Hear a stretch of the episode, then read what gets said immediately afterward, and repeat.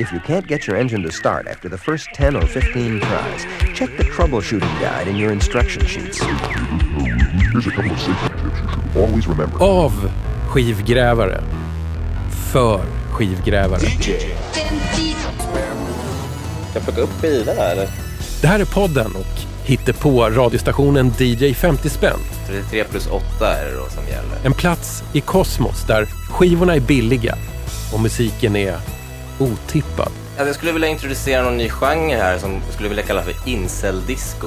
Jag som drar i trådar och spakar här heter Tommy Jönsson.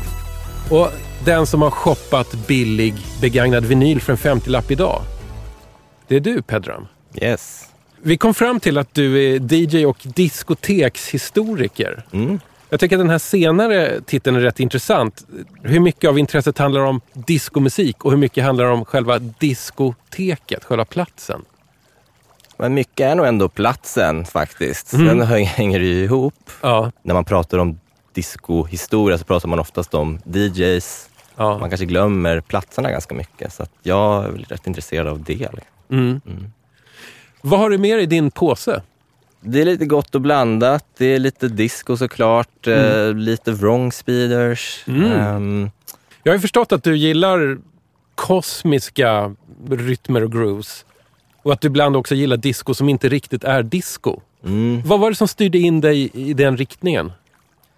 Jag tror att jag bara liksom gillar den här uh, genreöverskridande mentaliteten Mm. och att jag såg vissa DJ som spelade så att jag tyckte det var intressant bara. Liksom, att Mm. kanske inte göra det förväntade. Vad brukar du själv spela då? Ja, alltså nu på senaste har det blivit mycket Crazy Frog faktiskt. Va? Nej, men alltså, jag spelar ju väldigt blandat alltid, liksom, men det, det är ju liksom mest mycket disco. Men eh, jag vet inte, jag gillar också att spela på typ bröllop, eh, konstiga 60-årsfester och, och, och liksom sådär. Och nu i sommar så har det mest blivit sådana spelningar jag har fått. Mm. Och jag har också börjat spela lite mer digitalt. Mm. Och eh, ja, men det är ändå viktigt att spela hits. Mm. Jag har liksom haft ett kluvet förhållande till det. Mm. Kanske spelat coola hits, eller de hitsen jag har på vinyl, liksom, som oftast då kanske är lite coolare hits. Ja.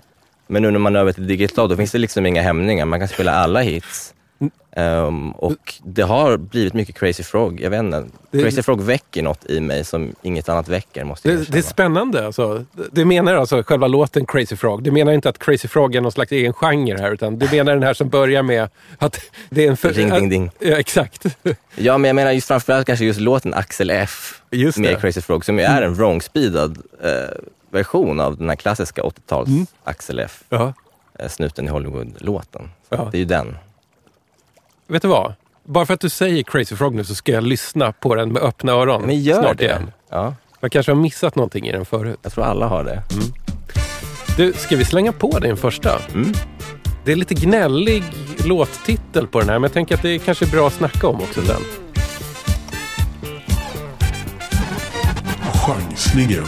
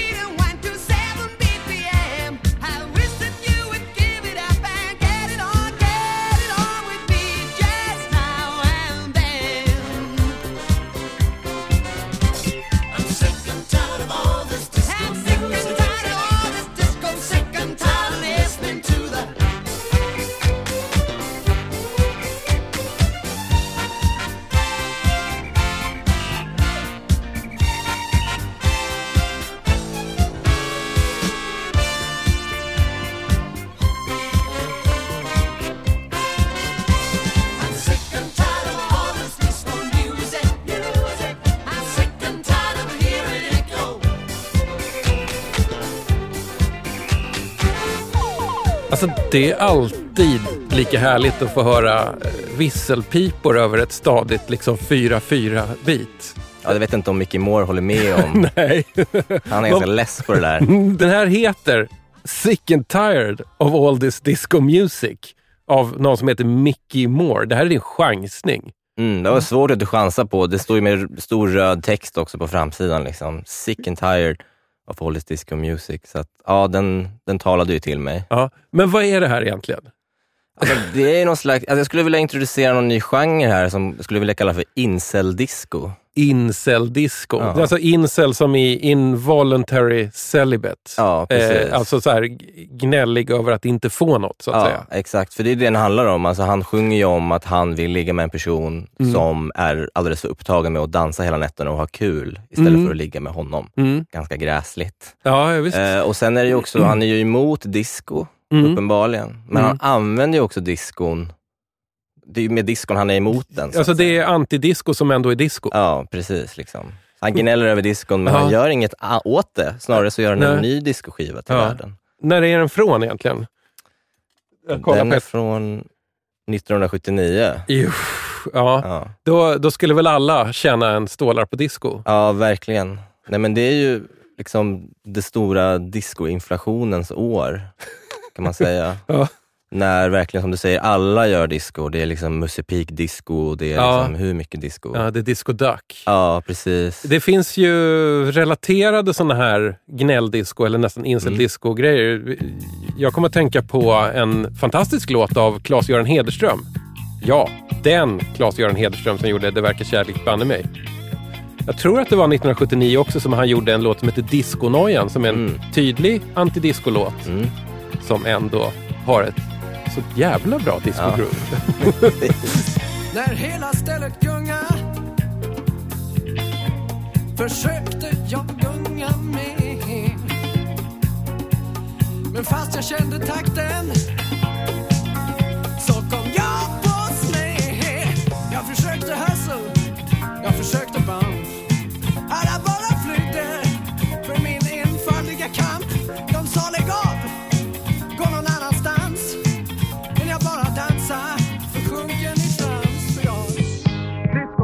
Ja, men alltså, det skulle man kunna skriva en eh, discoavhandling om, liksom just det att använda formen för att utplåna formen till exempel. Ja. Då. Det är väl lite det de försöker göra. Liksom. Men f- förlåt Pedram, är det inte så att du är lite så här, eh, intellektuellt lagd disco-teoretiker och discohistoriker? Är det inte du som ska Ja. skriva den? Det lilla paperet? Ja, det kanske, kanske händer. Ja. precis. Någon måste göra det i alla fall. Ja. Ett skitjobb, men någon måste göra det. Ja. Det här med discoinflationen 1979, Mm. vad var det egentligen? Varför, varför blev det så uppblåst där?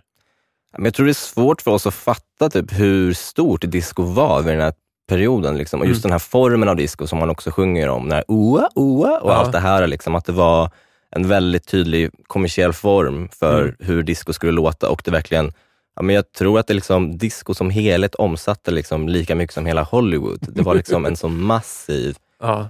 Industri och eh, folk blev ju less på det helt enkelt. Mm. Och ja, men Det var ju det här Disco Demolition Night som hände, det var också 1979, som man brukar Mm. säga är en vändpunkt för discomusik. Just det, det var, liksom, eh, det var i Comiskey Park som alltså var en baseball-arena. Det, Mm. det här var en halvtidsgrej under en baseballmatch, var det inte det? Ja, men det var en radio-DJ, jag har glömt vad han heter, en rock-radio-DJ Mm. som liksom krävde att alla skulle, eller han sa ta med er era discoskivor så bränner vi upp dem i halvtid. Så folk tog med sig sina discoskivor och i halvtid så sprängdes de helt enkelt. Ja. Ehm, och det började brinna och det blev ju upplopp också. Folk blev ju galna. Liksom. Ehm, och eh, det blev ju som en stor folkrörelse. Och så, just det, alla, alla skrek ju också då disco sucks. Precis. Disco sucks, som eh, blev en stor folkrörelse. Ja, och, då, och då, det, här blev liksom, det här var backlashen mot disco. Efter det så skulle det vara eh, liksom redig rock igen. Och ja, den här rörelsen har ju anklagats, och det kanske är med rätta också, för att vara liksom rasistisk och att det handlade om att nu kommer en musik här som ja, men svarta och queers och kvinnor Mm. liksom är med och har huvudrollen i Mm. och det får inte hända. Och så. Det, det, det är nog till viss del sant, men jag tror också att precis som Mickey Moore sjunger om, att det är just den här formen av disco som väldigt många tröttnade ja. på. Ja, just det. Ehm, precis. och att det var en sån effekt. Mm. Och sen med, med historiens facit så vet vi att disco eh, försvann ju inte på grund av det här, men däremot så kanske den, inte vet jag, omgrupperade någon annanstans. Exakt. Punk kom in och hiphop kom in och massa annat eh, elektroniskt också. Mixade upp soundet liksom. Ja. I'm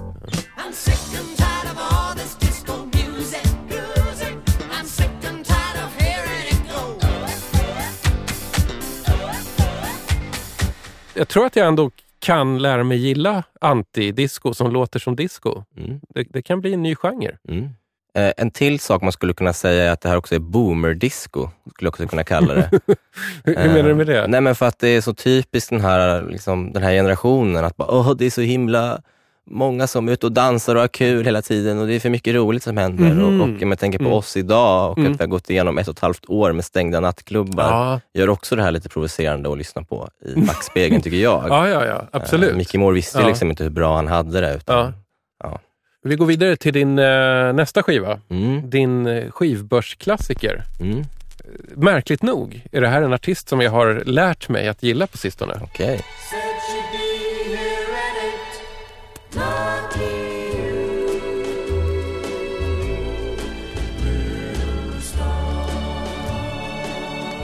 Hey, hey, little star. I don't know how far away you are, but tell me, how does it feel to stand that close to heaven? Hey, little star, see the tears that I've cried here. Said she'd be here at eight. It's almost eleven. See this broken heart of mine. Can this broken heart of mine teach me how to live without her? How to forget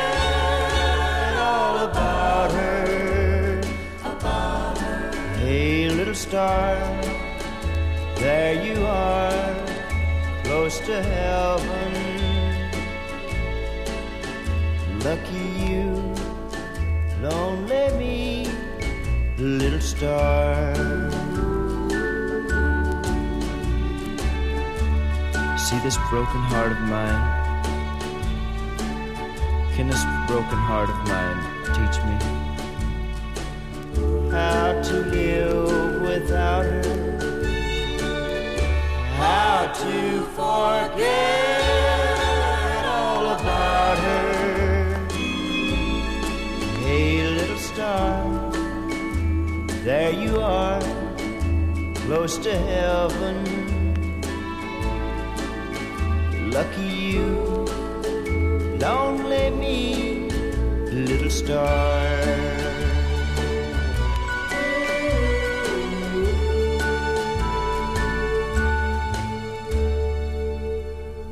Här får du tillbaks eh, Roger Miller. det var ingen lång låt det där. Fatta sig kort tror jag. Ja, precis. Vi har alltså hört eh, Hey Little Star med Roger Miller och du har hittat en, en av många så här, samlingsplattor med Roger Miller. Jag tror att den här kanske till och med heter Songs that launched the Roger Miller Mm. career eller något sånt där. Mm. Jag började tänka på en eh, DJ som heter Anita Sarko som, Mm. som eh, spelade på en, en klubb som heter Mud Club. Och det var också, apropå det här med antidisco, så var det, en, det var en antidisco-klubb i New York. Öppnade, ja, men jag tror det var 79 också faktiskt. Mhm, Du ser. Ja, precis. Och de ville liksom göra ett statement mot Studio 54 och sådär på olika sätt. Så att man istället för att ha en sån här sammetsrep hade man en järnkedja. Liksom. Och så Ja. var det liksom mer en klubb för typ punkarna och freaksen och, Ja. Och lite sådär.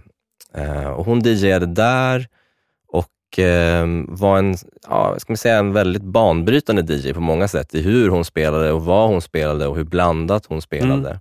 När jag har läst om henne så låter det som Mm. att hon kunde slänga på i princip vad som helst. Och hon var också sådär, den första kanske punk-DJn och inte punk i att hon spelade punk utan att hon verkligen var punkig i Ja. hur hon spelade. Ja, just det. Eh, Så hon var ju jättebra på till exempel att få igång ett dansgolv och bygga upp det och få liksom Mm. folk att bara liksom verkligen komma igång. Och sen så var det som att hon medvetet bara kunde klippa det genom att spela en sån här typ av låt. Okej. Och bara liksom, nej men nu räcker det. Nu, Ja. nu, nu, nu förväntar ni er, liksom, nu är det för tydligt vad jag ska göra Ja. härnäst. och Jag måste bryta de här förväntningarna och bara döda dansgolvet. Det är som reset-knappen. Ja. Det är som att starta om datorn ungefär. Ja men precis. Så jag tänker också apropå genre, så att det är också en genre man kan ha, alltså dansgolvsdödare. Ja, just det. Då kan man slänga på Roger Miller. Ja, man vet vi om eh, Anita Sarko eh, hade en Roger Miller-platta redo för att fimpa dansgolvet? Hennes favorit var ju April Love med Pat Boone. Ooh. is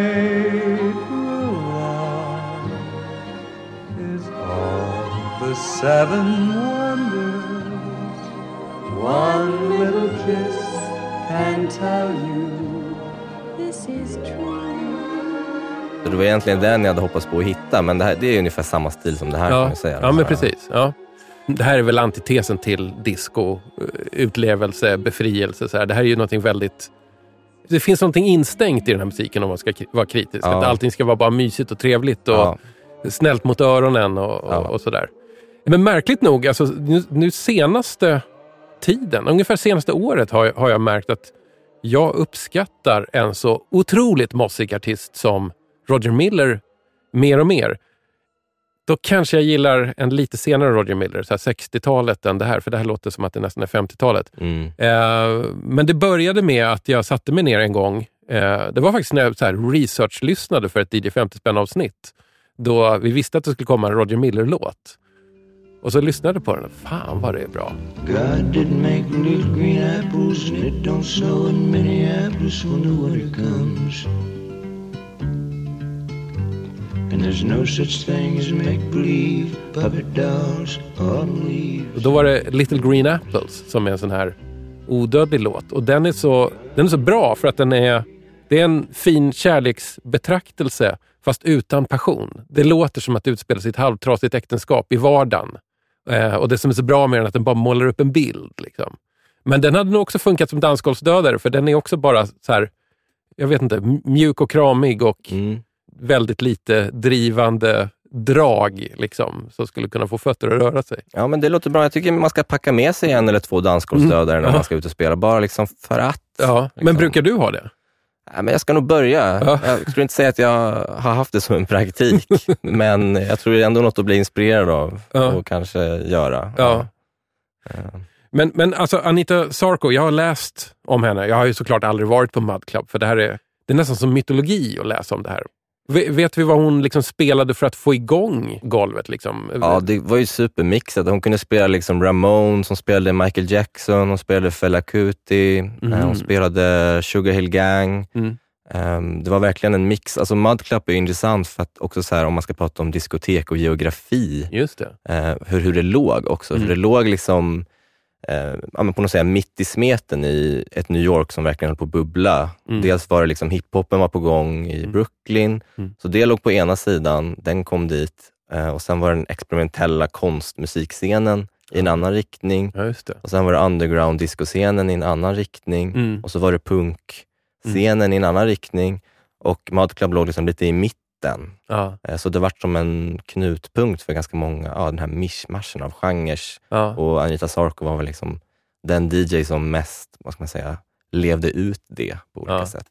Så att hennes spellista är ju ganska crazy. Det finns inga bevarade sets med henne, men Nej. hon gjorde en spellista innan hon Nej, gick bort precis. tyvärr. Då. Du delade en artikel som innehöll faktiskt en spellista med mig innan. Jag kommer lägga upp den på dj50spann.se så alla kan lyssna på, för det var väldigt rolig playlist att lyssna på. Man eh, kastas ganska hejvilt mellan ganska Mm. disparata Ja. musikuttryck, får man lov att säga. Ja, sen måste man ju säga också att hon, eh, när hon dödade dansgolvet som hon gjorde på det här sättet, det var ju inte liksom så att alla tyckte det var nice. Nej. Utan hon, det var ju väldigt vanligt att folk kastade saker på henne tydligen. De kastade askfat på Mm. henne, ölglas och så vidare. Så det slutade med att de renoverade hela dans, eller DJ-båset och satte ett plexiglas Mm. runt så att hon liksom inte skulle bli skadad helt enkelt Mm. av, av sådär. Så det är också något man kan... Det var fint att de tänkte på arbetsmiljön. Ja men verkligen. Ja. Nu undrar jag, hittade du någonting som du skulle vilja kalla för fynd? Ja, jag tyckte det blev lite mysig stämning i studion. Mm. Så att vi, precis, vi går över till fyndet. och något lite, ja, något helt annat. Är, är det nu jag ska ha fel på eh, hastighetskontrollen? Ja, det här är en wrong speeder. Så det är 33 plus 8 som gäller. Fan vad härligt. Jag älskar. Det, det händer inte varje dag eh, här i studion, men det händer då och då i Mm. DJ 5 spänn Mm. att det kommer wrong speeder. Mm. Så det är, jag vet inte varför, men det är bara så härligt att spela skivor på Mm. fel hastighet. Underbart. Fyndet.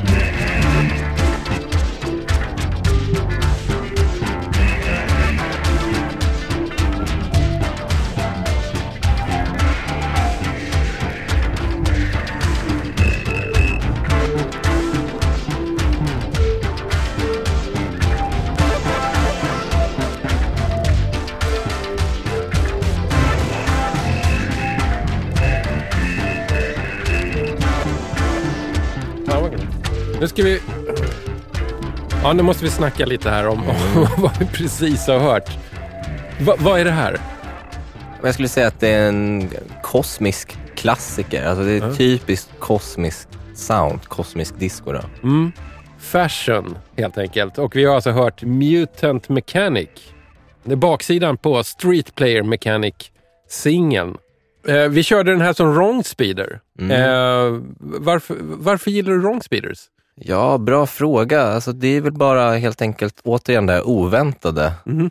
Att musik kan låta på så olika sätt eh, beroende på hur snabbt eller långsamt man spelar den. Liksom. Mm. Ehm, jag, vet, inte, jag tycker också det är roligt i relation till det här kosmiska. Och liksom, vad är kosmisk musik Ja, egentligen? vad är kosmisk musik? Ja, det är en jättebra fråga. um, nej, men just det här med att manipulera tiden ändå, att det är ändå Mm. det man gör när man saktar ner eller snabbar upp någonting. Och att det liksom blir en del av en musikgenre. ehm, och att folk sen gör musik som låter som nedsaktad musik. Ja. eh, blir ju också en grej. För att menar, den här stilen börjar ju så här med att man saktar ner den, men sen så börjar ju folk också göra musik som låter så här Ja, långsamt. det. och Mm. det kommer ju en andra våg av kosmisk disco, eller vad man ska säga, på 90-talet som är lite bortglömd idag, men börjar komma tillbaka. Och då var det att man saktade ner trance. Och Ah. kanske framförallt goa trance Mm. till 33. Mm. Och då blir det helt plötsligt en ja, ganska kosmisk disco Ja. av det. Och sen gör ju då folk musik som låter som Mm. Ja, trance. Så att, ja. Ja, Jag är helt, helt för att sakta ner tr- trans och goa trans. Det, det går alldeles för fort. Visst, liksom. men sen när man väl börjar sakta ner så kan man också hitta att man gillar det uppsnappade, uppsnappade också. Jag Mm. menar, det är många som börjar spela och lyssna på trance nu igen. Mhm. Eh, och även jag, Ja. vilket jag aldrig trodde för några år sedan. Men ja, det börjar med wrong speed och sen är man där. Liksom. Mm. Eh, Hör ni det där ute? Det här är en sån här gateway drug. mm, faktiskt, skulle jag nog säga. Den här kopplingen mellan liksom långsamt och kosmiskt. Mm. Har du någon bra teori om varför det sitter ihop? Ja, det har jag nog. Alltså, jag tror väl dels att det handlar om det vi pratade om förut, den här antidisco-grejen, att man ville liksom göra något annat. Det är ju också så här en effekt av att ja, men, alltså, allt gick alltid 120 bpm Mhm. och vad händer om ett dansgolv går långsamt? Men sen vet jag att Daniel Baldelli, som då var en av de första kosmiska DJsarna som spelade den här typen av Mm. musik, han sa någon gång att väldigt många på den här klubben som då hette Cosmic i norra Italien, eh, var en ganska hård klubb, alltså ganska mycket hårda droger. Aha. Och många som gick på heroin till exempel. Mm. Och det var till stor del därför det funkade så bra, har han sagt, att spela långsamt. För att liksom, folk var i ett ganska långsamt Ah. läge rent Mm. liksom. Mm. Och sen vet jag också att eh, Ron Hardy som var en DJ i Chicago, som en av de första att spela eh, house, han var liksom tvärtom. Han, spelade, han snabbade upp allting. Så han snabbade upp så här soulig disco så att det lät som smurfits typ. Mm. Och mixade ihop det med den där första acid housen. Liksom.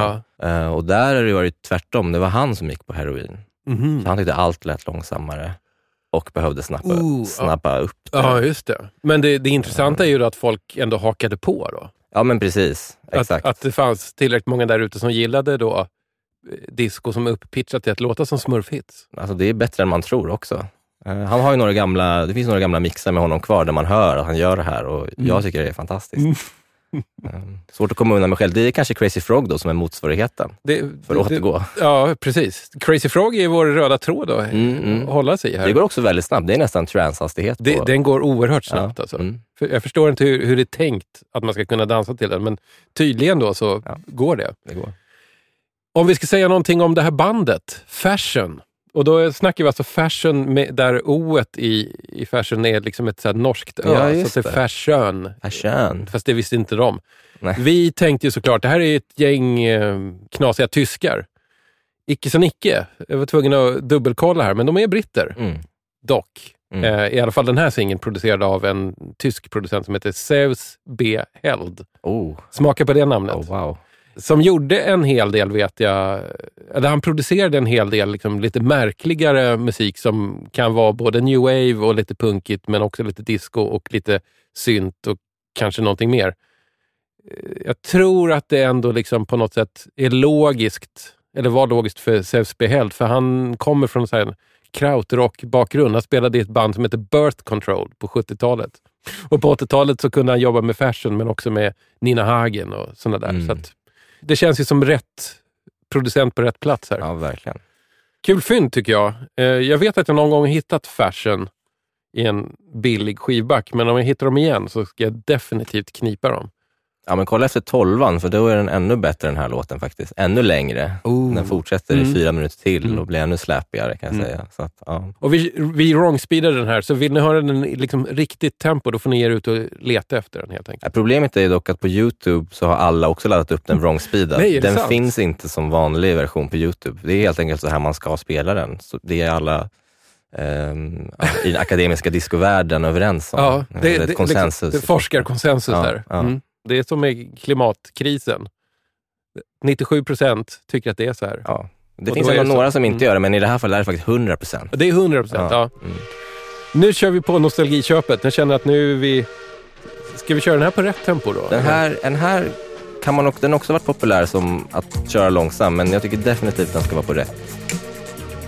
Då kör vi den på rätt. Nostalgiköpet.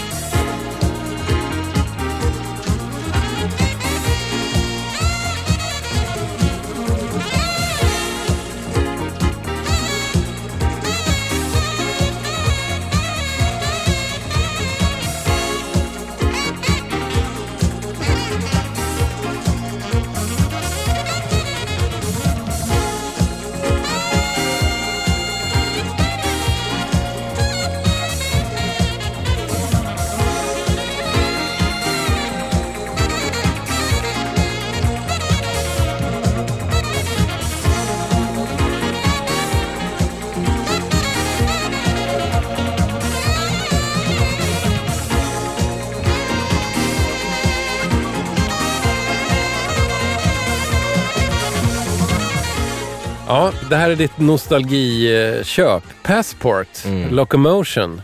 Locomotive. Locomotive heter Mm. det med. Passport är ju... Det var ju Klaus Doldingers från början fusiongrupp, men det här är inte riktigt fusion längre. Det här är något mer. Ja, det händer ju alltid någonting tycker jag när sådana här jazz, fusion, funk Mm. personer bara ska ge sig på att göra en drivig discolåt. Ja. Att det, det händer någonting, det Ja. funkar liksom. På vilket sätt är det här liksom en nostalgilåt eller nostalgiskiva för dig? Alltså jag måste säga, det här, jag blev så glad när jag hittade den här, för det här är faktiskt en av mina favoritlåtar ever. Typ. Mm. Alltså jag spelar den här jätteofta, om jag får chansen. Mm. Om jag spelar den, så då betyder det att det har varit en ganska speciell kväll faktiskt. För den, den kommer när jag liksom verkligen Mm. feel it. Ja. Jag vet inte vad det är med den här låten, det gör mig helt vild varje gång jag spelar den. Liksom. Jag älskar den. Eh, Det är något med det där drivet, och den har bara allt en discolåt Ja. ska ha. Liksom. Mm. Eh, till exempel tåg också. Att, eh, Det är roligt, ja. ja. Mm. Det är något med tåg som, jag vet inte vad, det är så mycket disco som utgår från tåg. Och om jag ser en discoskiva och det är tåg, Ja. då tar jag den. Liksom. Det, jag behöver inte ens lyssna på den. Det, Men, men vad är det då? Är man ute efter liksom tågrytmen? Du vet, att det dunkar av rälsen eller liksom att det är ånglokets liksom pumpande? Vad, vad, vad är det där egentligen? Jag vet, jag har tänkt på det där, att det är väl en del av det kanske, just det här driviga, Mm. liksom, något på väg framåt och man rör sig framåt. Men sen är det väl också, jag vet inte, jag har lyssnat på Gladys Knight, hon har ju den här låten Friendship Train. Mhm. Och då var det som att jag också kom att tänka på ja, men just tåget som en symbol för vänskap eller för jämlikhet, typ. Att Mm. alla är lika på tåget på något vis. Om man alla hoppar på tåget. Så Ja. Alltså så här, och just disco, det speciella med disco när den kom var ju att den bröt med så många konventioner. Heteronormativa konventioner om hur man skulle vara ute, Aha. men också ja, men pardans och alla Mm. sådana saker. Och det liksom skapade ett nytt rum Ja, ja, ja. där Mm. eh, man var liksom en kollektiv eh, Mm. entitet på ett annat sätt. Det har du rätt i. Alltså, tåget är ju ett, alltså, det är ett kollektivt färdmedel. Man ska vara många på ett tåg på väg till samma plats. Liksom. Ja, precis. Ja. Så att det är något med det där. Och sen, jag vet inte, jag tänker också att få ett tåg när man spelar. Har det hänt dig några gånger? Eller? Nej. Det, alltså, jag, jag, är inte, så här, jag, jag är inte mycket till DJ och framförallt inte mycket till att få folk att röra på sig på ett dansgolv. Okej. En av de senaste gångerna jag överhuvudtaget spelade skivor spelade faktiskt en Klaus Doldinger-rökare. Men då, då var det ju ungefär 50-50. Att 50 procent, de, liksom, de värsta musiknördarna med väldigt härdade öron och som i smyg då kanske älskar fusion-vansinne, de blev ju sjövilda. Den andra halvan bara, de gick upp i rök. 50 procent dansgolvsdödare. Ja, precis. Ja, men jag har ändå Ja. fått tåg några gånger. Ja, ändå, men det, måste det måste ju ändå vara härligt. Det är ändå Ja. ett kvitto på väl utförd Mm. arbetsinsats skulle jag säga, på ett tåg. Och då, liksom, då är det bara att packa ihop och gå hem och vara nöjd. Ja. Och det är också någonting som alltid liksom uppstår totalt spontant. Mm. Det är ingen som planerar att nu hakar vi fast i varandra och liksom kör ett tåg på, på Nej, det är dansgolvet. fruktansvärt när du beskriver det så. faktiskt. Nej, det är bara något som händer. Det är någonting som händer i stunden. Mm. Ja, absolut. Det kan bara hända när man känner det. Ja, man kan nästan inte beskriva det heller efteråt. Men jag känner nu att det... Nej, Men har, har det hänt att tåget uppstått till Locomotive? nej tyvärr faktiskt Mm. inte. Det är väldigt slumpmässigt när det händer. Det finns ingen korrelation mellan tågdisco och tåg. Tåglåtar? Men det här är också en avhandling känner jag som Ja. behöver skrivas faktiskt. Det är ändå fint med tågdisco. Alltid lika glad också för att höra något Klaus Doldinger-relaterat här. Alltså jag känner lite för att ha lite tonade brillor och en lite för lång page och Ja. vit polotröja och spela saxofon. Ja, men Man vill ju det. saxen, den är otrolig. Alltså, i alla de här, det finns en annan låt de har gjort som heter Rubba Dub som jag också brukar spela. Där är det också en sån här sax som bara gör Mm. mig galen. Jag vet inte vad det är. Det är Ja. något med den här saxspelaren som väcker något Crazy Frog begär i mig. En kul grej med den singeln som du faktiskt hittade här med Passport, där, där vi har lyssnat på Locomotive, är att det sitter en sån här fin liten klisterlapp på etiketten. Kan inte du läsa vad som står där? Jo, och det tycker jag är så himla härligt när man hittar. Det är det bästa. Eh, och här står det då Juris Burvis Bull Ja. och en adress på Malmgårdsvägen i Stockholm Mm. och ett telefonnummer. Testade du? Eh, nej, jag testade inte att ringa faktiskt, men däremot så, det var, jag menar, man ser ju ofta de här lapparna och Mm. jag menar, man kanske reagerar lite på det, men nu det här namnet Juris Burvis Bull, jag reagerade så mycket på det att jag Mm. var tvungen att googla det Mm. och jag trodde såklart inte att något skulle komma av det. Men? Eh, Men det gjorde det faktiskt och det är DJ Dolken som har gjort en fantastisk HTML-hemsida, jag vet inte närifrån. Den ser Ja. ganska old school ut. Ja, den ser väldigt old ut. Jag har öppnat den nu och, och DJ Dolken har alltså lagt upp en, en webbsida. I, det ser ut som att det är en rest från 90-talet. Mm. Där han har lagt, lagt upp en liten historik om DJs, krogar och klubbar i Göteborg från 60-tal till 2000-tal. Och då är det en hel del eh, gamla analoga foton från diverse klubbar och diskon Ja. i Göteborg från back in the day. Och det är svårt att sluta läsa när man börjat Ja, läsa Alltså, det det är här. ett otroligt bildmaterial och textmaterial. Och jag tänker, du som Ja, diskotekshistoriker jag- måste ju ja, älska sånt här. Jag blev väldigt chockad faktiskt, för det är ju faktiskt väldigt, ja, mycket av diskotekshistoria blir liksom inte arkiverat eller bevarat. Det är liksom inte så Nej. noga med det, men ja, shout out DJ Dolken, alltså Ja. vilket jobb. Mm, precis. Om, om Juris hör av sig till dig Mm. Och vill ha tillbaka sin skiva, kommer du ge den till honom då? Jag kommer faktiskt göra det, för jag har ju den här på LP och den är till och med bättre den versionen. Den är fem minuter, inte bara tre och en halv. Så han kan faktiskt få den här, det är Mm, okej. Mm. Ja. Ja, jag hoppas att han lyssnar där ute. Mm. Jag har fingret återigen här på hastighetskontrollen på skivspelaren. Ja. För att det, det har blivit dags för din eh, slumpmässigt upplockade skiva. Ja, precis. Den här blundade jag ju då och valde och jag tyckte det kändes så kosmiskt faktiskt, att det blev en wrong speeder. Men det visste du inte kanske när du plockade upp Nej, det den? visste jag inte. Jag har inte fuskat kan jag säga. Det var en slags kosmisk tillfällighet. Fan, men det här låter tungt alltså. Det här Det- riffet blir någonting annat.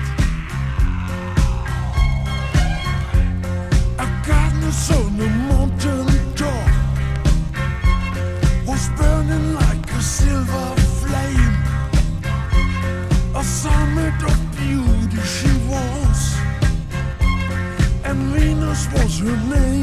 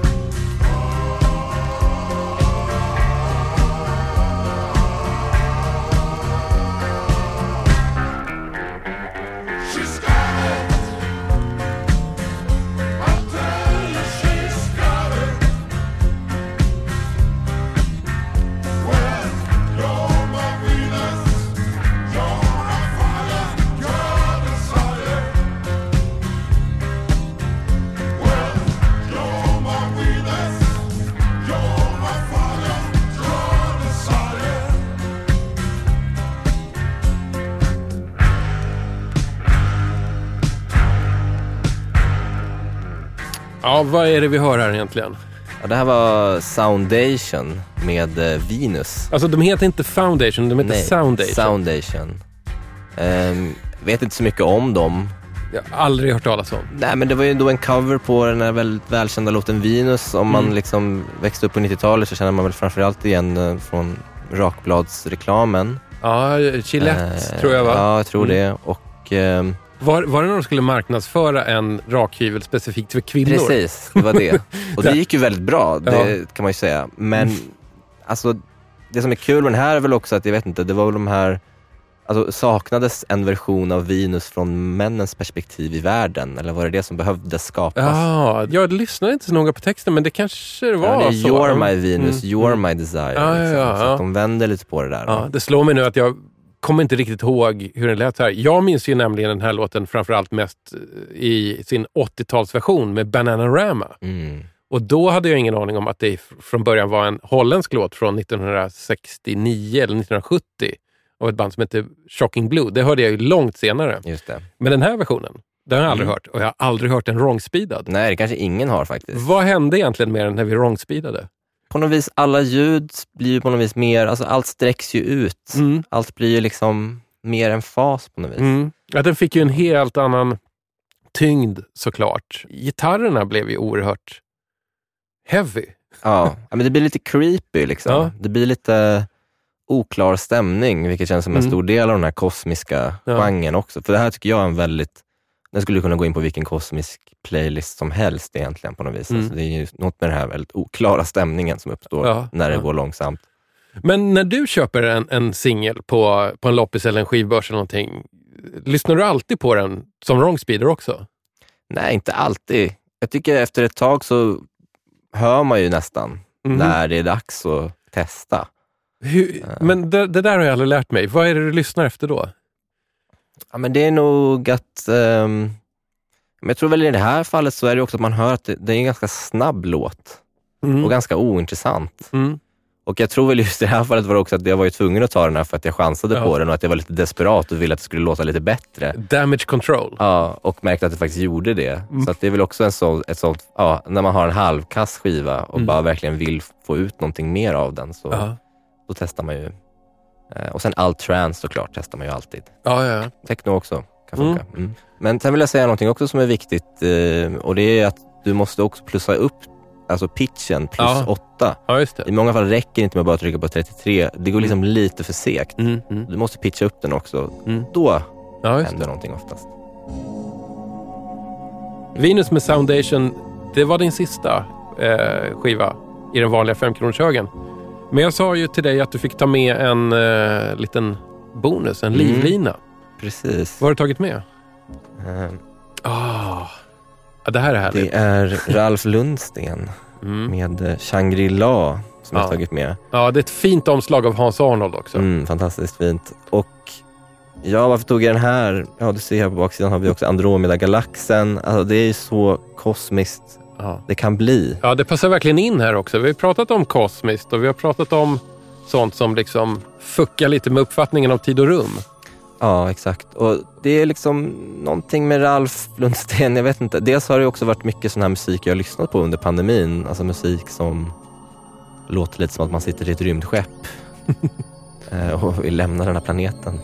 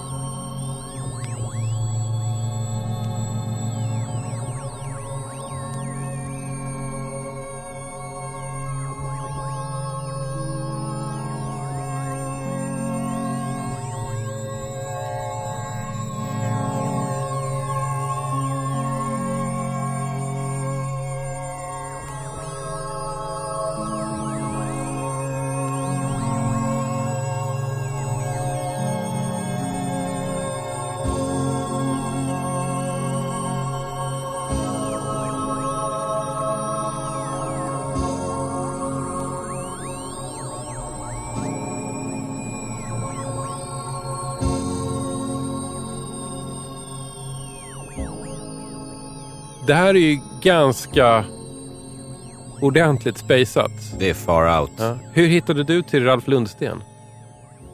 Jag minns inte hur jag gjorde det från början, men eh, kände till honom, att han bodde i det här rosa huset och... Eh, men det lustiga är ju att den här skivan till exempel, den fick jag av min 85-åriga granne som skulle Jaha. flytta. Aha. Och så hade hon några LP och visste att jag liksom gillade skivor och så sa ja, men du kan få den här backen. Liksom. Och så Mm. var det ganska standard, tråkigt, alltså, eller ja, inte jätteintressant. Ja, men det De vanliga. vanliga Mm. Ja, precis. Men den här låg där också. Aha. Och så jag var så chockad. Jag bara, vad, vad gör den här i den här samlingen? och sen var det lite senare så städde, jag hjälpte någon bekant vän och städade ur ett eh, dödsbo. Där låg det också lite skivor. Också det gamla vanliga. Kanske någon Beatles typ. Ja. Men så var det en Ralf Lundsten-skiva Ja. där. Och, och man ser ju dem också i 10-kronorsbackarna. Kanske inte just den här Nej. jätteofta. Ja, men vissa dyker upp. Vissa dyker upp ganska Mm. ofta. Jag bara så här, tycker det är så intressant. Alltså hur, hur blev det här någon slags folkhemsklassiker Mm. eller Ja. folkhemsmusik? Eller liksom, det måste varit så många som köpte de här skivorna. Ja. Men det var... Det är det som är så roligt att tänka på. Man, tänk, man kan tänka tillbaka på så här 70-tals Sverige och tänka att ja, men allt var ganska vanligt och brungrått och det var Mm. dansband och det var pyttipanna och det var Volvo Ja. 142 och eh, jag vet inte. Och så fanns det här. Det Ja. fanns liksom det folkhemska mind expansion paketet. Ja.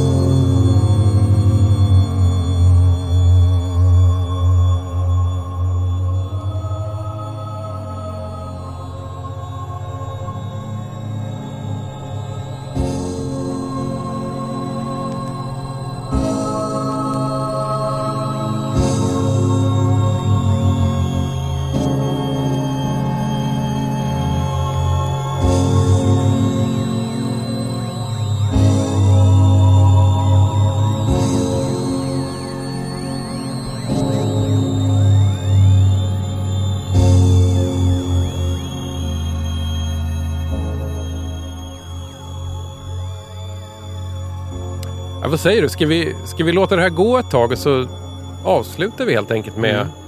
lite folkhemskosmiskt? ja. Det, det är så jävla roligt. Ja, det är väldigt roligt att tänka på. Biggan 85 har Ja, hemma. liksom. ja, ja. Det, det här, nu, nu,